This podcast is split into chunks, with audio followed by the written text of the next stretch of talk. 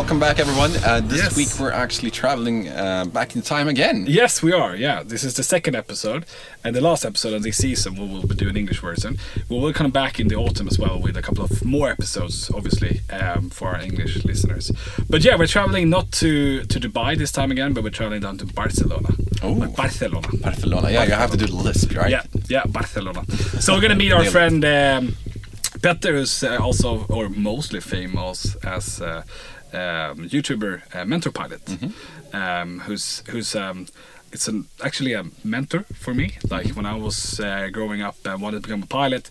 Growing up, I was like 20, but you know, Still a role model, though. Still, still a You role always model. have role models. Even, He- though, even though has. you're 30, you're Yeah. still going to have role models. That is true. So I was a little bit, I was a little bit like. Um, Starstruck? Yeah, I was definitely starstruck. Yeah, I, I, told I, him. could, I could tell that Yeah. on, on the Swedish podcast on your voice. could, yeah. You were kind of trembling like No, a but I told- I told him Speaking that. to Jonas Brothers. but I told him that he's like, don't, don't be, don't be. I'm like, ah, it's easy for you to say, but it, it was very fun, and he's uh, he's an amazing guy, and he's Mm-hmm. he's a line training captain, which means that he's train he's he's training new people or new pilots into the airline that he's working for, and he's absolutely amazing. And to be able, if you're lucky to get him as that you know coach, um, he's brilliant. Uh, so um, um, and as I said before, the Swedish episode. Um, it's actually completely different from the English one. We are talking more about to uh, his English followers, which is you know quite huge. Um, he just passed a couple of weeks ago one million subscribers on YouTube. That's amazing. Um, yeah, so he's very big in that um, area. So we're talking more about you know also coming back a little bit as we talked about with uh, with uh, Dr. Niklas Dahlström about that pilot behavior and different kind of culture on the flight deck because Mentour Pilot he's working in an airline that has people hired from everywhere in Europe. so you can basically see the cultural differences between people and basically what what trades are for a good pilot and maybe not so great Exactly. trades as well, I guess. Exactly, and we're talking a little bit about that Swedish, you know, afraid of conflict, Mm-hmm. uh, those kind of typical thing. And also, I had to ask ask him, you know, if he's if he's flying with a Swedish, you know, first officer, a new one, um, you know, what kind of what can he expect? Like, what is the good things and what is the down things, basically Hmm. ups and down uh, in that perspective. So it's very fun. So go So lots of stereotypes, right? It is. It is. It is. I mean, you and I were a typical stereotype as well. Yeah, well. for sure. Yeah. No so, doubt. so let's let's travel di- down there and listen to the episode. Take it away, Alex. So right now I'm here at uh, uh, Barcelona Flight School in uh, Sabadell Airport with Petter, Mentour Pilot. Welcome. Thank you very much. I'm very happy to be here. How are you? You good? I am great, actually. Yeah. Absolutely fantastic, as I always say. yeah. That's nice. And this is a familiar cockpit, isn't it? Yeah, this looks like home to me. um, good 737 next generation. Yeah. No Max here though, but No Max, No? no, no, no. The screens are a bit small, but otherwise it Yeah. looks very, very uh, similar to what I normally see. perfect because we want you to be in a good condition, feel at home, familiarize with everything. so we're not going to test you or anything right now. It's just. That's fine. That's fine. Thank you. So for those who, who doesn't know who you are, just briefly, uh, Mentour Pilot, Petter, the guy from Sweden. Yeah, Who are you? um, I am a now. Can't believe I'm going to say this, but I'm a, I'm a 40 year old, Yeah, young, yeah. young Yeah. long line training captain, type rating instructor, type rating examiner. Mm-hmm. Worked for a major European low cost carrier. Yep. and uh, I've been doing so for the last uh, 20 years now. Okay. And uh, I also run a little YouTube channel called Mentour Pilot. A little. Not a little, quite big actually. It's it's starting to get there. It's Yeah. uh, it's it's a, a passion project Yeah. that, that I've been running for the last uh, seven years now. Wow. We're going to talk about that obviously, but before that, um, when did you start your flight training? I started my flight training back in 1998, Mm. but I knew that I wanted to become a pilot when I was 14 years old. 14. already, so that was at 95. Yeah. Yeah. Yeah. And, and what was the reason of becoming a pilot? Well, When did it happen? The first, you know. yeah, when I when I, when I caught the bug. Exactly. Yeah. Um, so my dad, he uh, he works he worked as an executive in an insurance company up in northern Sweden, Ah. uh, which meant that he had to travel very big, large distances. Yeah. Um, all the distances in northern Sweden are large. Yeah. Um, even if you want to go and get your mail in the mailbox. yeah. Um, but anyway, so he thought that it would be a cool idea Mm-hmm. to get a private pilot license so that he, on good weather days, could fly instead of drive. Sure. So he started taking his private pilot license, and I, obviously came with him when he was doing his training. Uh, and I started catching the bug because it's just insanely cool. From if you're 13 years old and you, you see a Piper PA28, it's the coolest thing in the world. um, so I, I started doing that, and then they saw that. My parents saw that, so Yeah. they gave me a test lesson for my 14th birthday. So I got that, and the following weekend we went up uh, together with Mats Hagenwald, which was the um, um, the flight instructor my dad had, and uh, it was one of these crisp autumn days where there's not movement in the air. We uh, we took off. I took off in the Cessna 172 that he had, India Foxtrot Bravo or India Foxtrot Lima, I think. Anyway, but that that's the um, the anyway. Yeah, yeah. Uh, we flew out over Örnsköldsvik, which Yeah. is my hometown, then up to Bilsjö, which is where I'm from, a little tiny village, Mm. and you know did the, the, the standard stuff, a little bit of turning, a little bit of um, descending, climbing, and so on. And then we started going towards the end of the flight lesson. So I thought now he's going to take over.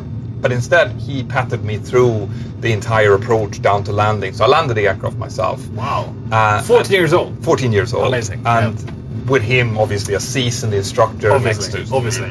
Yeah. um, taxied in and we set the parking brake. I, you know, thanked him and stuff. And on the way home, I just told my dad that this is what I'm going to work with. Wow. This is now I know what I'm going to do, wow.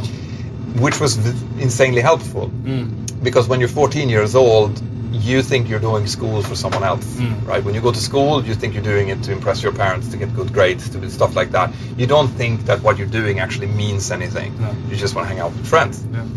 But since I knew at 14 that I I want to become this, Mm. I started looking for different routes, different paths to take for that to become a reality. Mm.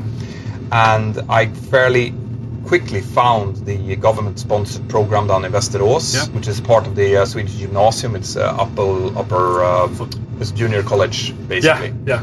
Yeah. Um, and I saw what I needed to have and what I needed to do to get there was basically there's 30 spots available in the entire country. Mm. They do the first cut on grades. Yeah. So unless you have perfect grades, you stand no chance. Which now gave me a completely new type of motivation to do well in Did you have bad grades initially? I had medium grades. Yeah. I had we were on a one to five scale where one was very bad and five was very good, Mhm. and I was sitting at three point five Okay. when I started. I stopped in ninth grade. This was a you know I was just starting eighth grade. Yeah. And So very young. I so mean, yeah, yeah, yeah. Um, but it was just like that. That was my first ever grade. Yeah. And in a year and a half, I I put it up to four point eight Mm. Grade, which is now close to perfect. Yeah. And the grades needed in order to go for the interview for this school was the, the first year of gymnasium, Mm. right? And I had 20.0, which was the highest grades Yeah. then. So I it, it just gave me that kind of lodestar to go for, Mm. which was, you know, fantastic to have Mm. as a Mm. as a young flight nerd, which I definitely was. So I mean, motivational. Yeah. Um, would you say that if you did not have that pilot dream ahead of you, Mm. would the grades be different? Absolutely. Yeah. No, because I had no, I saw no reason for it other than just standard, you know, Mm. why you want to have good grades. Well, Mm. you want to have good grades, and that's it. You don't really see what's going to, where it's No. going to take you. No. But with this, I could clearly see that if I didn't do this, if I didn't achieve this, I wouldn't have a chance, and I would have to pay for my own education potentially. This is a way to get the state to pay for it, Sure. which is a huge deal. Yeah. Um, so it, it, that motivation and having a target that you Mm. can actually see that you can achieve Yeah. is enormously important. Amazing. So you did that. You did your training, um, and you came out on the line. When was this? When you were ready to actually start working as a pilot? So I did this. This first training was two years. Yeah. So I did this uh, for the first two years. That's the Mm. last two years of the gymnasium, and then I did um, mandatory military service, which was still a thing in Sweden Yeah, back then, yeah. uh, for a year. And then I went out for another year, which is part of Komvux. It's the uh, grown-up education system in Sweden, Mm. Yeah. which was the last part, the um, uh, multi-engine and the uh, MCC training. Yeah. So in 2001, I was ready to um, to, to try to look for a job. And how was the market then? I mean, 2001 wasn't the the best year. Yeah, no. What else happened in Uh, 2001? let me recall something uh, horrific. But I mean, how was that then? Uh, did you expect to actually get a job in that year, or did you expect like, okay, I need to start working with something else? No, no, no. I, like realistically, anyone who were realistic knew that there was loads of pilots, seasoned pilots with thousands of flight hours, type-rated pilots who were unemployed. Yeah. Right. So realistically, no, No. I wasn't going to get a job. But my my hope was always to try to find maybe you know maybe someone who was doing um, taxi flying in, in northern Sweden, flying a Piper PA thirty one, Yeah, or yeah. or doing some mail flights To get some hours, something. yeah, you know, just to get in, get a foot in the door. That's Mm. all that that we had, that I had in my head anyway. Um, but then I was lucky.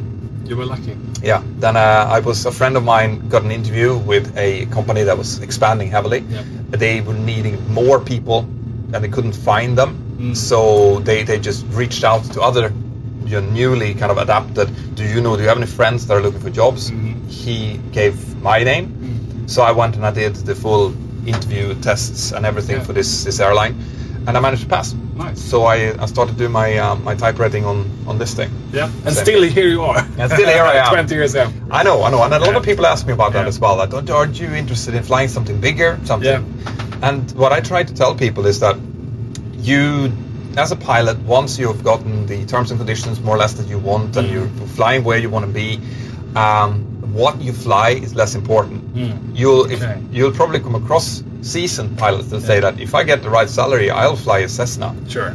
no Sure. problem at all as long as I can be home. Mhm. So, you know, like the, the what you have in front of you on a Mm. Boeing 737 is Mm. is as much as you have in front of you on a Boeing 747. Yeah. The difference in the cockpit is nothing, No. right? So the what you really are after is the kind of lifestyle that it affords you. Yeah. Like, How can you? How good of a life does this job give you? Mm. So that's what's important. Which Sure. means, sure, I'd love to try an Airbus. Yeah. I would love to fly a, uh, a Boeing 777. Mm. But if that comes at the expense of my own life quality, no. I understand. But talking about the 737, it's a very, I mean, it's been out there for a very long time. Um, would you say that I love this aircraft? Yes. No, I, I mean, the, the, the thing is, once you've flown it as long as I have, you, Yeah. you like, th- there are pros and cons. For example, one of the cons which you just noticed is to get into the chair. Sure. Like, it's not, No. it, it is not ergonomically as good as it could be. No. Right. Definitely newer aircraft are better than that. Yeah. So you have to kind of climb in and climb out. Yeah. Um, these systems are old, but it also means that they have a kind of beautiful logic to them, Mm. which you once you've understood it, it's fairly straightforward, and it is still a pilot's aircraft. Yeah. Like this, these things are Yeah. connected via wires directly towards your uh, control surfaces. So Mm. even if you lose all the electrics on this aircraft. You can still fly, it. it. But compared to Airbus, we have one thing that mo- that many Airbus pilots says is that you know once they change from the 737 to the Airbus fleet, they have that table out that they had dinner instead of having it in their knee. Yes. they can have it. Wouldn't that be very comfortable? Very civilized. they, this is what my friends yeah. say who've switched over from Airbus to Boeing. Yeah. They say that the Airbus is 100% better when everything goes right. Ah, okay. But when things go wrong, Mm. it's the other way around. Mm. Right? Yeah. It's easier Yeah. to understand the logic behind the Boeing Mm. if something does go wrong, if you need to deal with it, Yeah. than, than the Airbus, which is largely governed by computers. Sure. I'm sure that that comes also with experience. Once you've understood Of that course, system, it's different. Yeah. But but uh, the, it's a nice aircraft. Yes, I would love to have a table. we will try to call Boeing and make them if they can put it on was- table for like you. my first officer yesterday when I flew to, Bo- Yeah. to, to, to Dublin yesterday. He was sitting with the tech log and he had a, a, a nice little tablecloth on the tech log Mm. and it put up the, its cutlery and everything. It looked very civilized, but you still have the tech log on Yeah, you know. It's still you have to build up your table with what you have. correct, correct. But so you started working uh, with this airline and um, for, for many many years, and then something happened back in 2015. You you you changed a little bit. You started doing something else. Yes. Tell us about that. So um, in 2015, I had moved down here Mm-hmm. to uh, to Spain. Um, I had a lot of time off, and uh, my wife. I was getting on my wife's nerves. Mm. Basically, I was too much at home. Obviously, I didn't have as much friends here as I had in Sweden. Uh, so she she basically said, "Get yourself a hobby. Start playing golf, or Yeah. why don't you just start a YouTube channel or something?" Yeah. And I thought, sounds interesting. So I, I, uh, I started a YouTube channel. I Mm. started Mentour Pilot, but it was actually my own name in the beginning, and then I had to change it because um, it turns out that it's not great to have an aviation YouTube channel on your own name. Well, Oh, I didn't recall that. No, no, no. That was the very Wow. first couple of videos. I had to delete that channel and restart a new one. Ah, okay. So how did you come up with Mentour Pilot?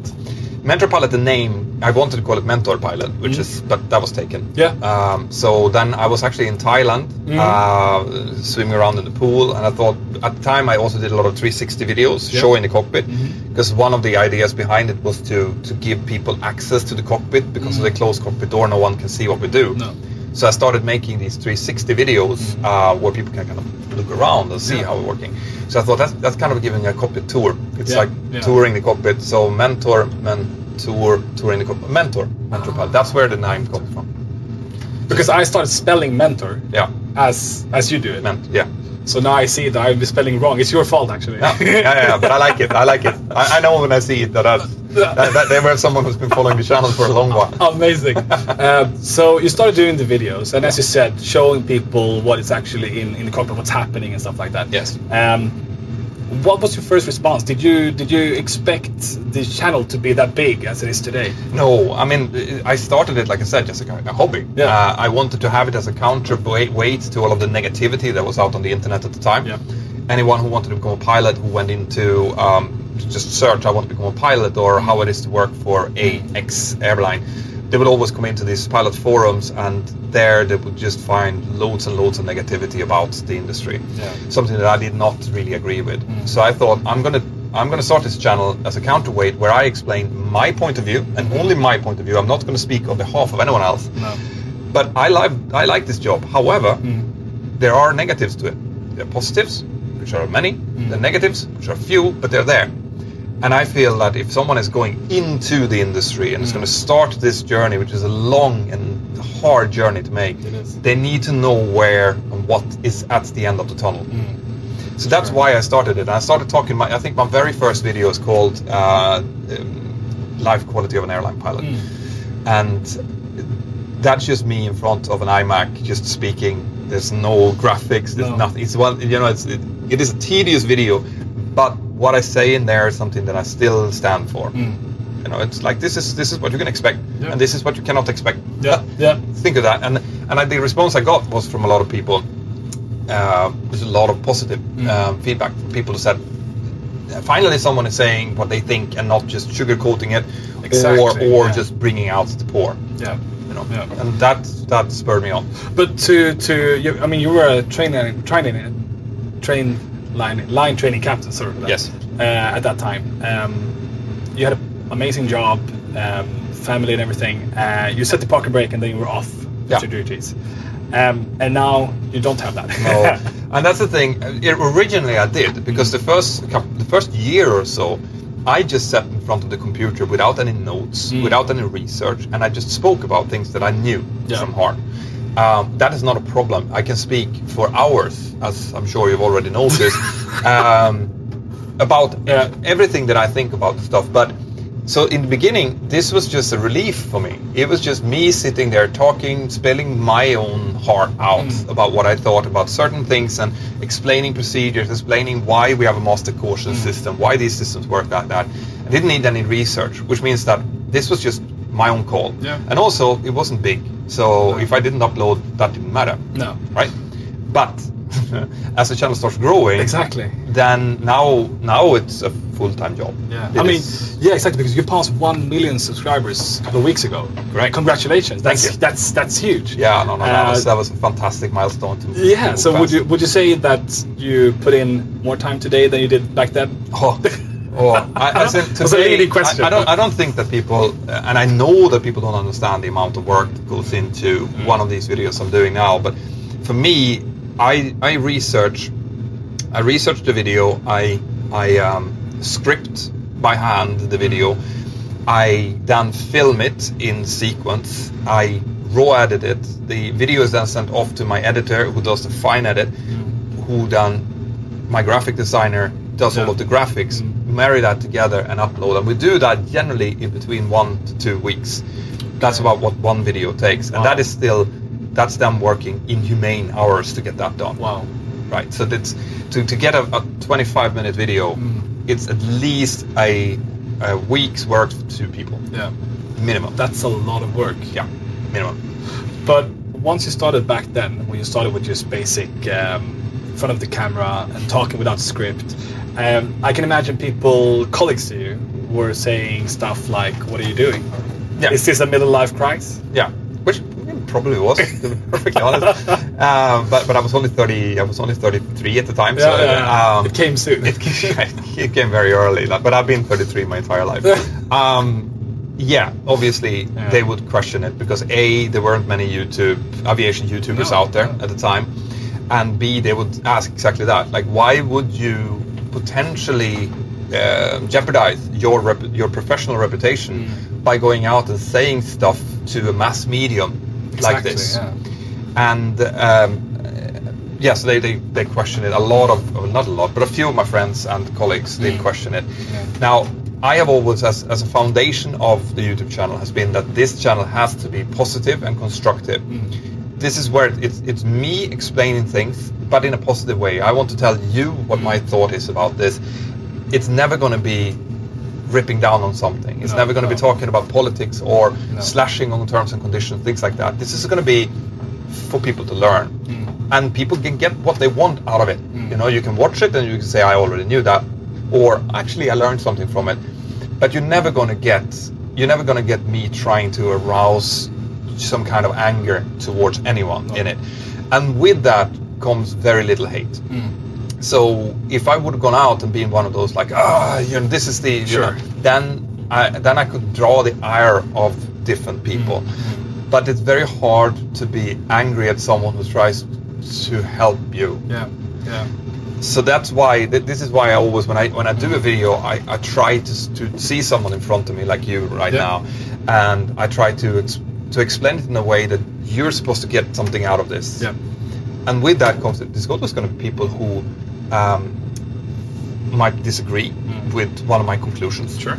Or I might say something that is not 100% right. Mm. Or lately I might pronounce something in English that, some, that should be pronounced differently. That's, that's the single ba- Yeah. biggest negative feedback I have. Wow.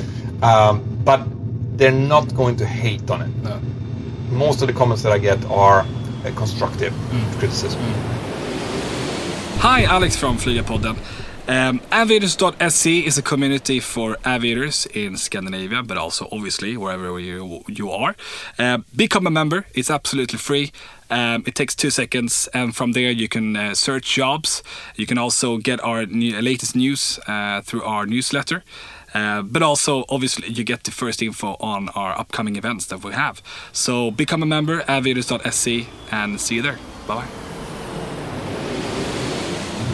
but always like that once you say something in, in flight training for instance. Um, for instance with the students uh, they always say but you know what?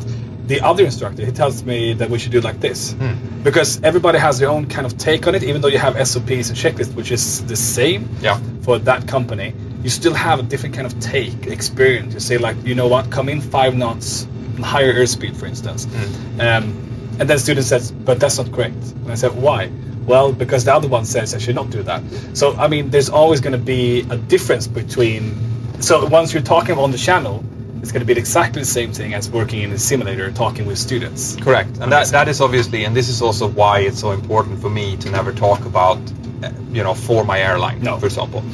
Um, this my airline has been very, very supportive. Mm-hmm. Um, they, I've been telling them that I've been doing this from the day on, and the only thing they've said is that do not represent us. No. Do not show our logo. Do not say that this is something that we do because you are not a spokesperson for the airline exactly um, which is why I, when I, I speak in, in very broad and general terms Sure. in these things, and also because SOPs, for example, change. yeah So you, you can't sit. I can't do an instruction video. So this is how we do it in our airline. Yeah.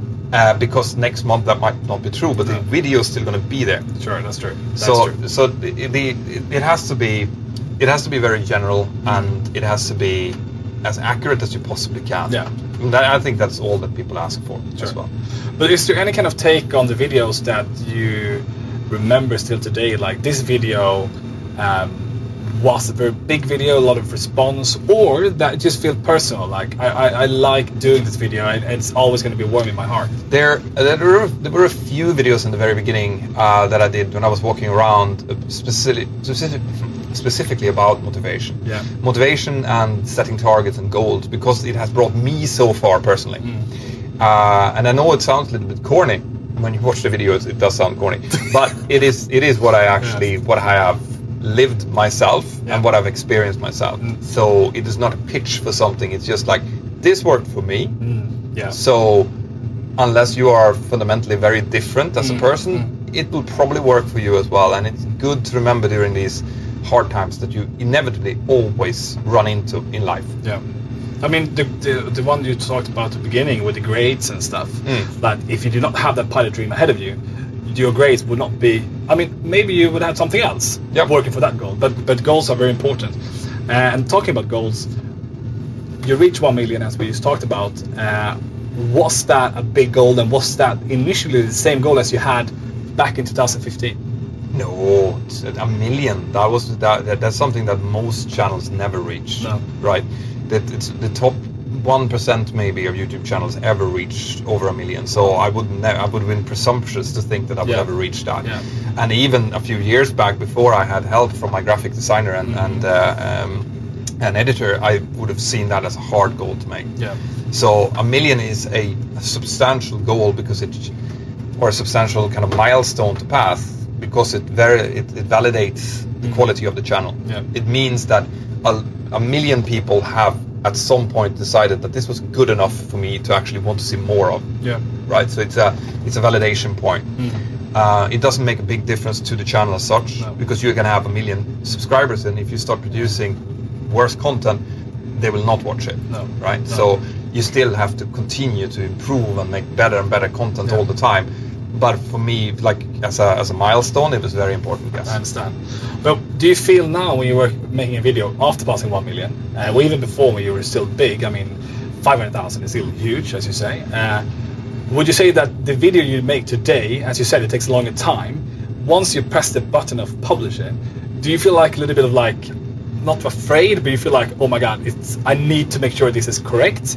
Because you don't want to make something a content that is not what your yeah, audience, you, you know expect. You're, you're always. Um, it's always exciting Mm. when you release a new video. Mm. Um, you never know what's going to happen to it.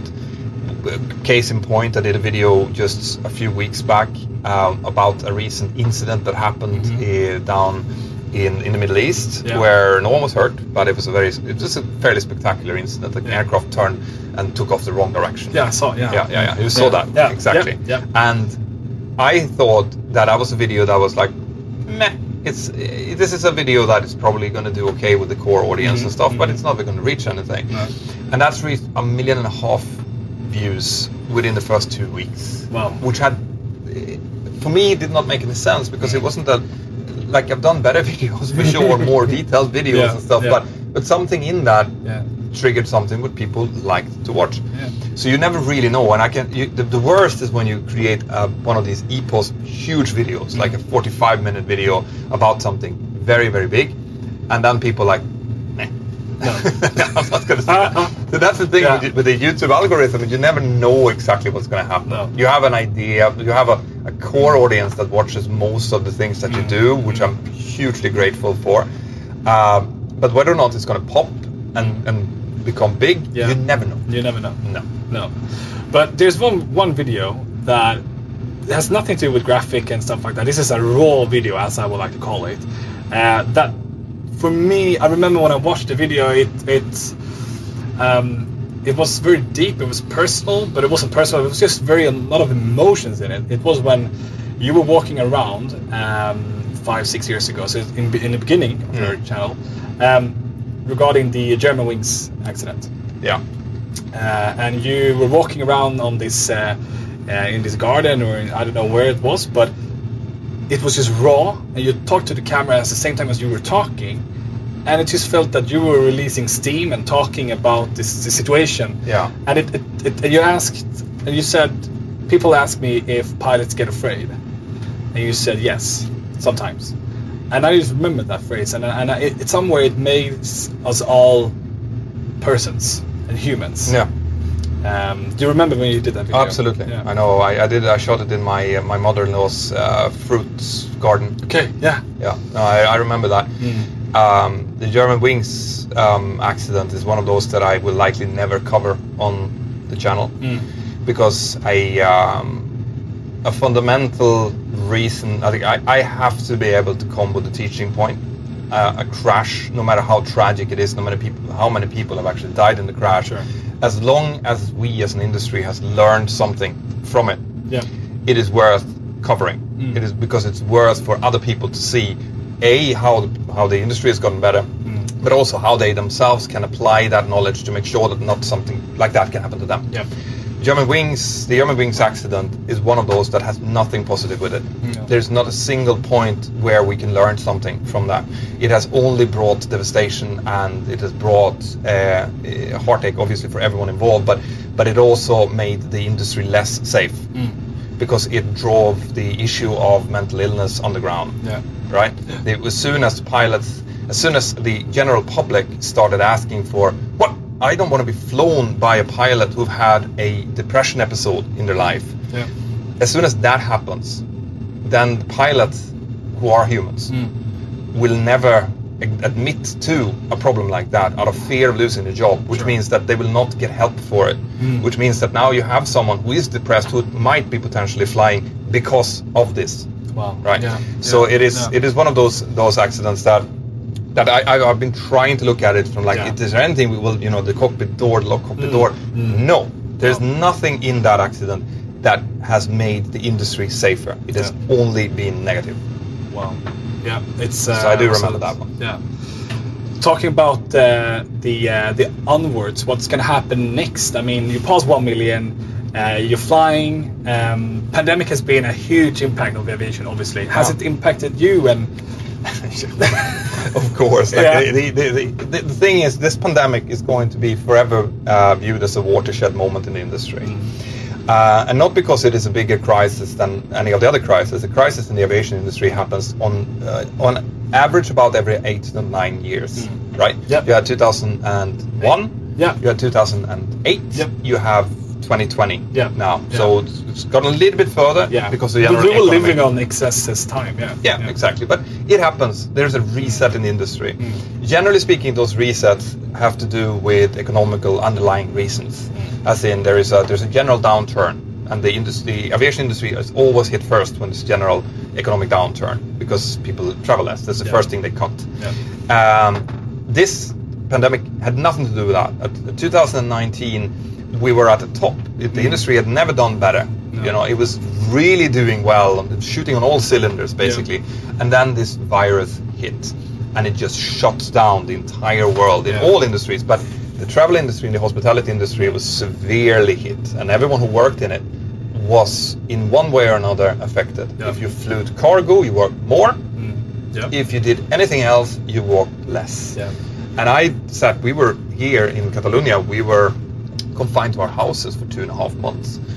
I didn't go out. I was out walking around in my garden, and I was lucky to have a garden that I could walk around in. Sure, Because yeah. we had people sitting inside of their apartments who didn't see the sky for two and a half months. Yeah. Anyway, so yeah, I we we weren't flying for for, for one and a half years, almost two years. I've been flying very very little. Mm. Yeah.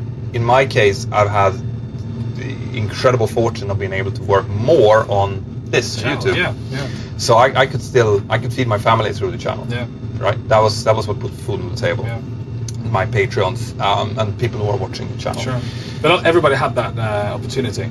Well, not everyone. No, very very few people. So anyway, um, but what I wanted to say is that what we have now is a is a, a crisis that has been created from an external factor, not anything to do with economics, nothing to do with the industry in itself. No. It was something outside that came in and crushed the industry Yeah. for two full years.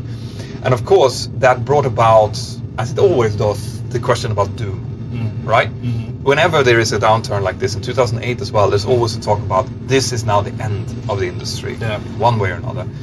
And it never is. No. Ev- Never, ever. No. It always bounces back, Mm. but it's going to bounce back differently. Yeah. What this did do was it highlighted to a lot of people the the incredible fragileness of the job as a cabin crew, as a pilot, as a ramp worker, someone who was dependent on one industry Yeah. to work. That had never really been shown in that way. So a lot of pilots were now being furloughed, Mm. fired from their jobs, sent out. Um, there you go. You know, make it on your own and realize that they don't have a university degree. Maybe they, they couldn't find another job quickly. Um, but it was such a long period of time Yeah. that they needed to find another job. Yeah. So a lot of pilots did find, started working in banking, started working in other sectors that had nothing to do with aviation. No. And this is something that is fundamentally different. Because if you marry these two things together, the fact that there was nothing wrong with the industry, which means theoretically, once the virus is gone, it start off where it stopped, Yeah. more or less. Yeah. Like it's going to be people want to go on holidays more than ever before. Sure. Right? Business travel, not so much. No. But everything else is going to be Yeah. back to where it started, Yeah. where it was. You have taken these pilots out. Mm.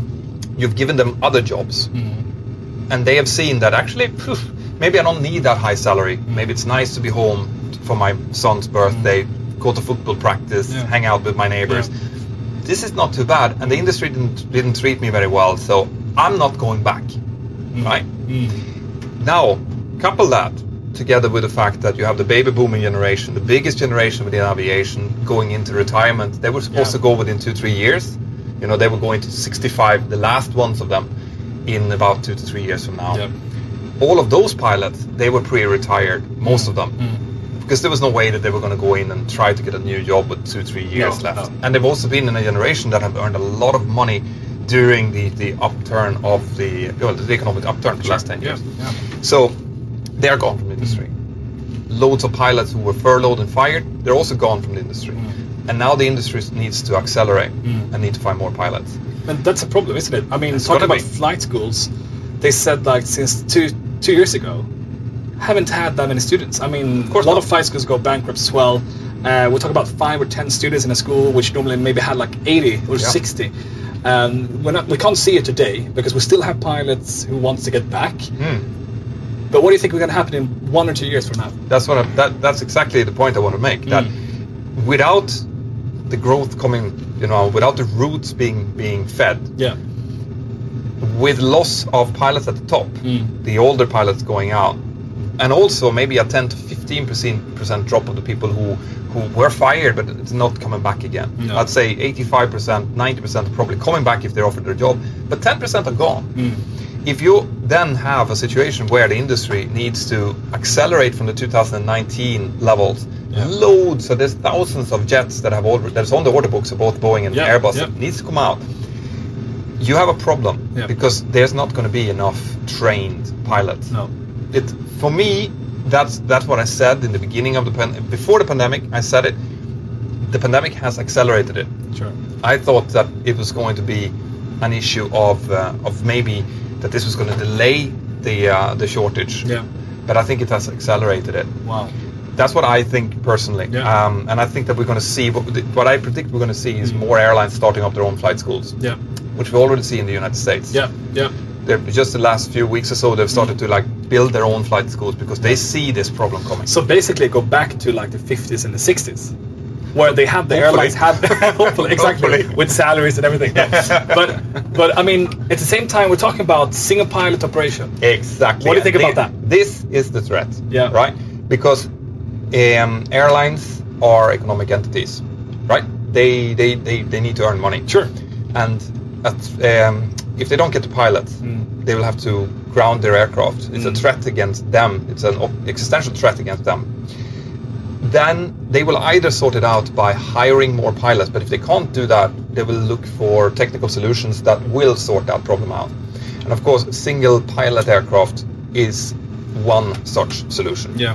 So if there's pressure from the industry towards the aircraft manufacturers that Mm. we can't find pilot, we are going to ground our flight. Mm. Give us a solution that tells that you know so we need less pilots. Yeah.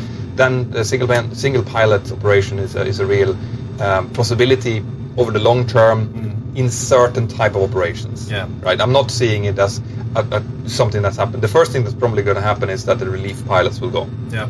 You'll have a single pilot operation in cruise Yeah. long haul Yeah. uh, and you only need the two two guys flying, and Yeah. one can go and sleep, and the other one can sit up here Yeah. by themselves. Yeah. That's the first stage.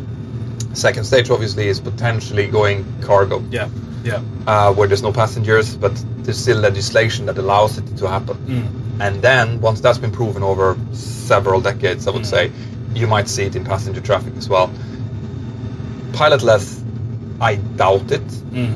Then again, go back to the 20s. People couldn't imagine going in an elevator Sure. without an elevator Sure. operator. Sure, that is that is true actually. So That's funny. you know, But I mean, in our in our generation, Yeah. um, we might not be there No. flying as a single pilot commercially in Europe with passengers. No. but we're talking as as you said as well, generation after us will probably see some kind of advanced technological solution. I've always said that what you need is you, you need advanced AI. Mm. You need artificial intelligence. Mm. Um, for the simple reason that anytime that you are relying on a downlink Mm. to someone sitting on the ground, you're also susceptible to hacking and to security threats. Yeah. The last thing you want is for an aircraft to be able to be remote controlled. Sure. Right. So you need it to be in house, just like we have our. You know, we, we don't we're not dependent on GPSs to navigate. We have our IRS system, Yep. which is an in-house system Exactly. that cannot be. You know, even if there is a war and someone turns off the GPS system, we can Mm. still navigate Yeah. you still have to have that in an aircraft. So you Mm. need to have artificial intelligence, which means that something can take decisions which are not just computer driven. Just that, that's Mm. that, what that we is do. based on like experience and, and everything. yeah, they're based Yeah. on thousands of hours of AI Yeah. experience that they can say like, okay, you know, this weather over there that looks Mm. bad on my screen, but I know that actually that can be much worse. We're going to take more Yeah. distance this time. So not only from the textbook, but you know, uh, but wouldn't that be boring? to to sit alone with an AI or, yeah, or I just with and, nothing? and, and here you come to the next problem. that- yeah. And the problem, obviously, is that, like I said, this pandemic has has, has shown pilots or potential pilots that there is a weakness, Mm. right? Maybe I don't want to spend that much money to become a pilot if, if I'm going to be thrown out of my ass um, if for, for a downturn. Yeah. Maybe I want to become a uh, Wall Street banker instead. Yeah. You know? So that's we need in order to, to, to feed for people. This is a dream job. It's a it's a job that you do fantastic things. I, I mean, I landed an air, a 60 ton aircraft mm. yesterday mm. on a, this beautiful runway in Girona. Everything just like I imagined it when I was a boy and I wanted to mm. fly. It, it is like that. But in order for people to want to go through the trouble of certifying themselves and Yeah. going into it, you need to have that feeling. But of course, if that feeling is replaced by you're going to sit by yourself for 12 hours over the Atlantic and have no one to talk to, people are not going to want to do it. No. So you're not going to find pilots to train. So once again, it is a, like a dog that tries to bait by its own tail. Yeah. Yeah. So it is. I think on the short to medium term, I think that um, sorry, short medium to long term, we are going to need a lot more pilots, and that is always a good thing for existing pilots. That is true, because it bumps up terms and conditions and, etc. etc. et. Yeah. Um, but I mean, for the future, it, it feels that a lot of things can happen, and what we are right now is we're two years after this the outbreak, basically. Yeah. And we can already see, you know, people talking about this summer, and we see schedules from airlines is just absolutely amazing, and we see that the booking goes up again. Oh, I've tried to. I've. I've, I've tried to book tickets for my family. Yeah. They're, they're crazy. Prices are already crazy for Yeah, the summer. it is because the demand is such a high, Mm-hmm. but it takes a long time to train the pilots again, to make them current, and you can't just stop, take an aircraft from parking you just overnight No. put the crew and everything. So it takes a long time. When would you say? And this is, if you're right, I will give you 500 Swedish crowns, and I will come back to you with this Right. in a couple of years. When do you think we will reach the level of 2019? The whole industry or certain part of the industry. I would say as an average in Europe. Average Europe Yeah. traffic. Yeah. Uh, 2019 figures will be happening next year, Wow. 2023. Wow. Yeah, you'll have you'll have 2019 figures then. And, and now, now I'm talking intra Europe. Sure. Long sure, haul, sure, it's sure. going to take longer. Yeah, because more business travelers and stuff Yeah, like and that. business yeah. travel is never going to come back. But It's- it was also a downturn even before the pandemic. Yeah, but now the what, what has happened is the pandemic has pushed the tech sector for over 10 Yeah.